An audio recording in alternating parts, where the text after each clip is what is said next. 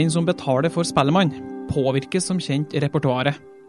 Og den farmasøytiske industris økonomiske dominans har konsekvenser for valg av forskningstema og studiers utforming, samt for analyse, tolkning og publisering av data.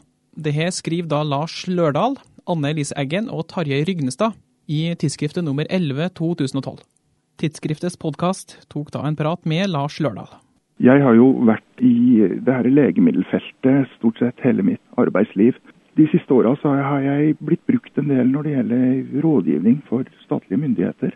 Og etter hvert så blei jeg ganske forferda, må jeg si. Pga. det som jeg oppfatta som en ganske lemfeldig omgang med, med habilitet og interessekonfliktspørsmål når det gjaldt denne rådgivninga. Og prøvde da å lese meg litt opp på hva vi egentlig vet om dette problemet. Og det er på en måte grunnlaget for denne artikkelen som jeg da har skrevet sammen med Anne Elise Eggen ved Universitetet i Tromsø og Tarjei Rygnestad her på NTNU. Det vi har forsøkt å gjøre, det er å se litt på hva vi egentlig vet om det her. Og for å oppsummere kort, så det, det vi har sett på, det er de økonomiske interessekonfliktene.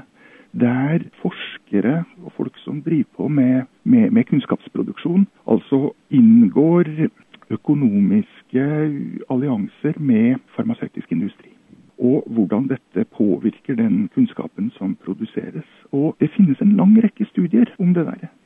Rundt regna 40 pluss studier. Hvorav halvparten er kvantitative i den betydning at de har forsøkt å tallfeste.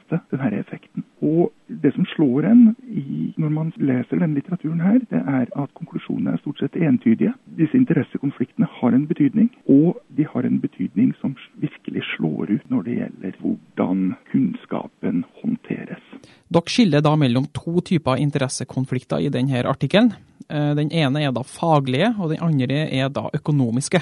Ja, vi kan jo tenke oss mange forskjellige typer interessekonflikter. ikke sant? Interessekonflikt den defineres jo som omstendigheter der hvor profesjonelle valg påvirkes av forskjellige sekundærinteresser. Og, altså Det vi har studert, det er de her økonomiske interessekonfliktene. Det at man mottar goder ifra en industriaktør. Men det finnes jo faglige interessekonflikter. F.eks. at man er faglig uenige og sitter som referier på hverandres artikler og sånne ting. Men det finnes også andre typer interessekonflikter. Kulturelle, religiøse osv osv. Det litteraturen forteller oss noen ting om, det er i all hovedsak de økonomiske interessekonfliktene. De andre typene interessekonflikter de vet vi mye mindre om. Så hvilken en av de to interessekonfliktene er mest problematisk? Ja, det er de økonomiske interessekonfliktene som vi har mest kunnskap om. Og, og, og, det er de interessekonfliktene som på mange måter også er de mest interessante, nettopp pga. at de også er såpass utbredte i fagmiljøet vårt. Og det som på en måte er et, et slags hovedpoeng da, for meg og mine medforfattere, det er jo at Innenfor veldig mange andre arenaer i samfunnet så er vi faktisk henvist til å utøve skjønn når det gjelder betydninga av potensielle interessekonflikter. Og dette skjønnet det legger man jo også opp til å bruke i habilitetsbestemmelsene i forvaltningsloven, som nesten utelukkende er skjønnsbasert. Og et hovedpoeng for oss det er jo da at når det gjelder de interessekonfliktene vi her snakker om, altså økonomisk samrøre med farmasøytisk industri, så trenger vi faktisk ikke å synse og skjønne. Her veit vi, her har vi nå etter hvert eksakt kunnskap, og nå er det snakk om å begynne å utnytte denne kunnskapen. Så konkret, hvilke tiltak er det dere foreslår? Ja, altså Aller først så må vi sette oss ned og stikke fingeren i stedet for hodet ned i sanden her. Vi må begynne å snakke om dette problemet, og vi må ta inn over oss det som finnes av fakta.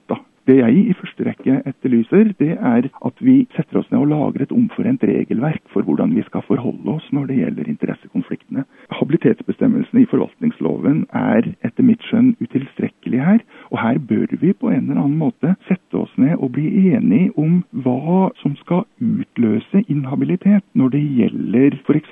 rådgivning innenfor denne type spørsmål for offentlig myndighet. Da slipper vi å synse oss gjennom det her, og vi slipper å igjen og igjen og igjen.